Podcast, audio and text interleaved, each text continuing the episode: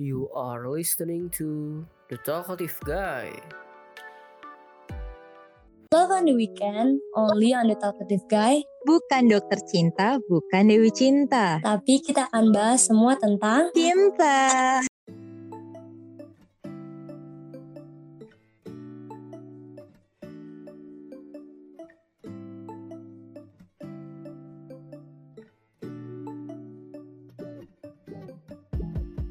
Iya, ini dia episode pertama kita ya, Petris. Iya. Eh, belum perkenalan ya.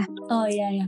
Jadi gue di sini Patrice bakal nemenin weekend kalian nih ngomongin tentang cinta dan pastinya nggak sendirian karena ada partner. Iya, partner ya itu gue Suci. Jadi akan nemenin lo semua atau kamu yang mungkin malam minggunya di rumah ya nggak Iya, sih? bener. Iya. Masih galau-galau atau masih mikirin tentang pasangan? Nah, ya mumpung mungkin yang belum prepare malam mingguan mau nongkrong di mana bisa sambil dengerin ini ya. Bener. Atau lagi di jalan sama pasangannya biar hmm, senggol-senggolan gitu kali ya, Petris Iya ya. bener banget. Iya, jadi ini episode pertama kita mungkin kalau agak kaku maaf Iya. ya, karena ini pertama kali ya nggak sih kita rekaman kayak gini. Iya apalagi aku baru pertama kali nih cobain rasanya buat podcast tuh kayak gimana.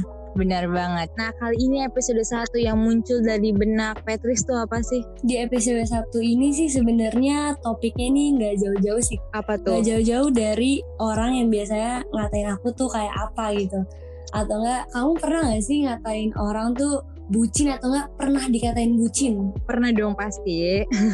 Nah kalau aku sih bener-bener itu topiknya relate banget ya sama aku Karena orang-orang banyak bilang aku tuh terlalu bucin gitu kalau pacaran sama cowok Kalau kakak sendiri Hmm, gimana? terlalu bucin karena berhubung sekarang saya sudah sedang menjomblo.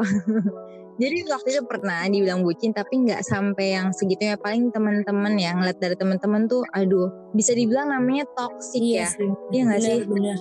Toxic relationship ya kan. Em, mungkin ada kali ya misalnya kayak eh, beberapa orang yang bucin tapi belum sampai tahap yang toksik mungkin ada juga Nah, bahkan orang-orang yang toksik kan pasti awal-awalnya dari bucin kan coba dong Petris sebagai orang yang pernah Aduh. dibilang eh, dibilangnya lebih ke toxic berarti nih. Eh apa kamu lebih sering dibilang toxic? Apa lebih ke bucin ya? Pernah ngalamin yang dari bucin ke toksik terus habis itu di hubungan yang kedua sebenarnya bucin aja sih karena udah udah nggak mau tuh di hubungan yang toksik Eh, eh, coba dong kasih tahu. Ya gimana sih sebenarnya awalnya lo bisa menjadi toxic? Gue tuh penasaran soalnya karena gue nggak maksudnya kalau gue bukan yang pacaran yang terlalu toxic banget gitu sih. Kalau lo gimana? Kalau aku sih awal-awalnya ya, karena ini hubungan aku yang pertama nih baru pertama kali pacaran juga waktu itu. Jadi ya belum Mm-mm. tahu lah seperti apa nih. Gaya pacaran tuh kayak gimana-gimana tuh belum tahu.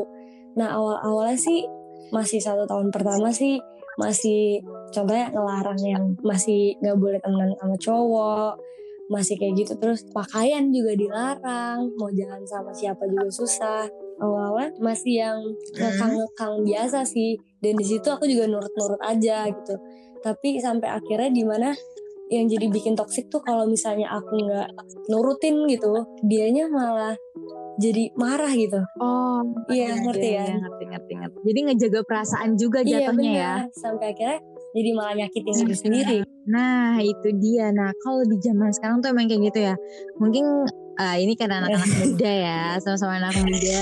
Jadi saking pengen merasakannya hmm, menjaga perasaan pasangan ya, jadi sampainya toksik. Nah itu juga mungkin kalau hubungan zaman sekarang itu tuh batas maksimal dari toksik tuh menurut lo tuh sampai di mana sih? kalau menurut aku sih batas kalau udah dibilang toksik banget ya itu kalau Hmm. misalnya sih udah mentingin ego sendiri sih kak Iya iya iya iya benar-benar. kan masa hubungan itu kan masa pasti berdua kan tapi kalau misalnya di saat dia pengen egonya sendiri yang terpenuhi pasti dia lebih mentingin diri sendiri kalau menurut kakak gimana? Nah, kalau menurut aku mungkin orang-orang yang batas bucinnya itu ya mungkin sayang boleh gitu. Cuman terkadang saking sayangnya, saking sayangnya tuh sampai takut kehilangan ya nggak sih? bener gitu. Iya, jadi tuh kadang beberapa dari kita atau mungkin mungkin buat teman-teman sharing ya, sakingnya lu bucin gitu kamu bucin terus akhirnya tuh eh, ngebuat komitmen yang aneh-aneh komitmennya. Iya gak sih? yang belum tentu sebenarnya dia bisa dijalanin tapi udahlah komitmen masa janji-janji dulu padahal mah dia belum tentu bisa Nah, jalanin itu dengan serius gitu bener banget. Namanya budak cinta ya Iya, nggak apa-apa lah ya namanya udah mau namanya mengalami, mesti pengen mencoba berhubungan berpasangan gitu kan, merasakan kasmaran gitu kan. Tapi kalau misalnya di perbudakan cinta ini sudah mencampur dengan komitmen yang berlebihan Betul. ya kan, peraturan peraturan aneh gitu kayak misalnya kamu tuh nggak boleh duduk sebelahan sama Waduh. cowok. Ada tuh yang kayak gitu. udah Sumpah teman aku tuh ada yang kayak gitu. Itu jadi kayak jadi toxic kan. Apalagi kalau yang pacarnya harus pakai Wah, laporan. ya nggak sih? 24 jam tuh ya Kamu tipe yang pacarnya pakai laporan atau enggak nih? Dikit-dikit harus laporan. dulu sih kayak gitu dulu dikit-dikit laporan dikit-dikit laporan tapi kalau makin sekarang sih kayak ah udahlah yang penting percaya aja sih kayak gitu Nah, harusnya kan gitulah ya. Jadi percaya. Nah tuh, jadi tuh kalau dikit-dikit laporan itu tuh akhirnya memunculkan toxic Bener, ya bener. nggak sih? Pacarannya bukannya senang-senang, mungkin senang kalau Iya. lagi berdua gitu kan. Di luar dari misal jarak jauh atau apa ya, yang ada tuh rasanya kayak iya malah menyiksa ya kak Tuh, jadi teman sharing tuh kalau bisa ya bucin boleh, tapi toxic jangan ya nggak sih? Kadang tuh kayak gitu.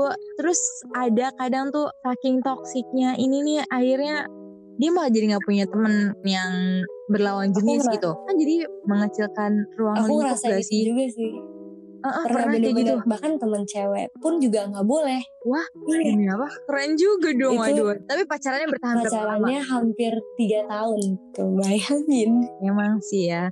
Dari toxic tuh emang pacarannya langgeng. Tapi tuh Iya, gitu ya gak sih? dan gak tahu kenapa nggak sih kebanyakan orang-orang yang toksik tuh malah susah ngelepasin satu sama lain Nah, iya emang kayak gitu. Jadi kayak bener-bener mungkin karena udah saking takut Iya, kehilangannya ya. Jadi mungkin karena itu kali ya. Jadi kalau misalnya kita kehilangan tuh kayak aduh ada sesuatu yang Iya, hancur bener. ya gak sih? Emang karena sih mungkin gitu? udah biasanya kan kalau toksik udah 24 eh, misalnya kayak kabar-kabaran setiap menit setiap detik terus habis itu mungkin ketemu terus sampai akhirnya tiba-tiba orangnya hilang kan pasti merasa ada yang hilang juga nih gitu Jadi kalau menurut dari Iya. Petris nih, buat teman sharing gitu kan, awalan dari batas bucin tuh sebaiknya apa step by stepnya biar nggak sampai ke toxic. Coba deh kalau menurut lo dulu. menurut aku sih yang penting sebenarnya sih buat yang mereka mau pacaran tuh bahkan harusnya tuh udah mikirin itu dari sebelum pacaran gitu batas-batasnya tuh apa gitu. Jangan sampai pasangan tuh minta sesuatu yang udah bukan udah di luar batas gitu. Mhm, Nah, kalau mhm, kakak? Nah kalau dari aku tuh mungkin gini ya saling percaya pasti betul. wajib gitu kan. Menjaga kesetiaan ya udah pasti gitu kan. Cuman di zaman Iya. sekarang gitu kalau lo takut kehilangan gitu atau lo takut rusak hubungan lo gitu ya lebih baik perbaiki diri Betul. sendiri aja ngerti gak sih? Mending punya pengalaman yang berbeda. Jadi itu jangan monoton gitu pacarannya. Sehingga mau orang dateng mau orang kenalan yang gak akan pergi orang yang bersama kamu itu gitu kan. Karena kalau pengalaman pacarannya berbeda-beda gitu misalnya lo lebih banyak candanya lebih banyak ceritanya dibandingkan laporannya nggak bakal bosen pacaran itu dan nggak akan mungkin ada orang Betul. ketiga keempat. Karena kan awalnya ada komitmen tuh mungkin karena ada rasanya bosen karena ada rasanya takut kehilangan ya Bener. nggak sih karena itu yang kalau aku lihat dari teman-teman aku gitu itu jadi toksik banget sih Kenapa sih? pacarannya kayak terlalu menjaga perasaan pasangan sehingga nggak mau membohongi pasangan justru rata-rata mereka jadi ngebohong di apa Iya, kayak jadi ngebohong jadi Karena lebih jago ngebohong takutnya kan. daripada jujur-jujuran pacaran ya sewajarnya bucin apalagi tapi jangan Betul. sampai toksik Betul. ya nggak sih nggak berasa ya Iya kalau sih? tentang cinta tuh emang suka kelewat ini ya waktunya. Iya emang benar. Nah kalau ngomongin perbedaannya bucin sama toksik menurut Patricia? Kalau menurut aku sih bucin itu satu effort kali ya dari pasangan buat nunjukin kalau misalnya apa yang dia rasain gitu. Kalau misalnya oh gue cinta sama lo itu dari bucin. Kalau misalnya toxic tuh sesuatu yang berlebihan aja gitu. Nyatain juga kalau misalnya pengen dapat pengakuan kalau misalnya lu punya gue gue punya lu kalau aku sih kayak gitu Setuju banget sih, bener. Mungkin kalau dari Iya. aku tambahin aja kali ya. Kalau bucin itu ibaratnya orang-orang pasti tahu lah jadinya jatuhnya eh, oh ini pacar lo gitu oh ini pasangan lo gitu. Tapi kalau udah toxic kayaknya itu jadinya bahan yang gak enak buat teman-teman lo kayak ada malas main Betul. sama lo gitu. Ah ribet nanti yang ada gue dicetin gue yang dicecer gitu kan. Padahal kan di dalam status berpacaran belum status iya mau dari menikah pacaran ya aja sih? udah mengekang apalagi nanti yang lebih serius lagi. Nah itu kan nggak boleh ya. Sebaiknya maksudnya ya kalau dalam hubungan yang lebih mah beda gitu. Cuma kalau udah masih berpacaran ya hidup lo tuh bukan dunia milik berdua Tapi dunia milik bersama. Ada sih satu quotes yang gue inget dari kata Raditya Dika gitu Ketika lo mempertahankan hubungan yang udah lama Tapi dalam bentuk eh, toxic gitu. Karena cuma takut kehilangan lu udah merasa lu mendapatkan yang terbaik dan lu mempertahankan itu. Sebenarnya justru lu menahan cerita kehidupan lu gitu. Lu menahan diri lo yang menyakiti diri sendiri gitu. Pokoknya gue ingat kayak gitu. Jadi lebih baik lo melepas orang yang menurut lo udah toksik merusak diri lo sendiri dan kebahagiaan diri lo tuh sedikit gitu pasti lo akan mendapat yang lebih baik nantinya kalau lo percaya. Nah kalau misalnya pesan dari Hmm. kakak nih buat nah, yang masih di sana yang masih ngejalanin toxic relationship itu apa kak? Kalau bisa diperbaiki ya diperbaiki. Mungkin kalau namanya udah sayang kan ya susah lah untuk merubah itu ya nggak sih? Kalau udah sayang tuh nggak bisa untuk merubah eh, secepat itu putus sayang gitu enggak kan? Kalau bisa merubah ya dirubah cara berpacarannya gitu cari pengalaman-pengalaman yang lebih seru yang yang langgengnya lebih berceritanya tuh bahagia. Bahagia tanpa Betul. tekanan nih. Daripada bahagianya tuh tapi ada tekanan sana sini gitu.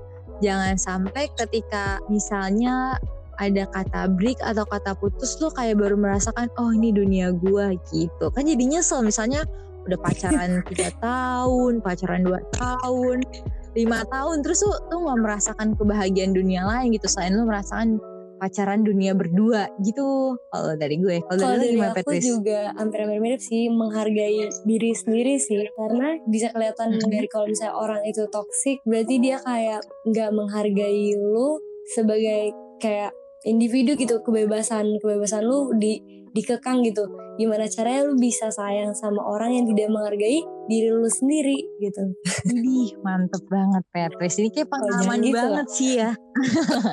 iya, jadi kalau temen sharing, kalau ada yang mau cerita bisa Iya. langsung aja ya. Gramnya di mana? Iya nggak Talkative sih? underscore ID terima kasih udah dengerin Love on the Weekend bareng aku Patrice dan Aku Suci.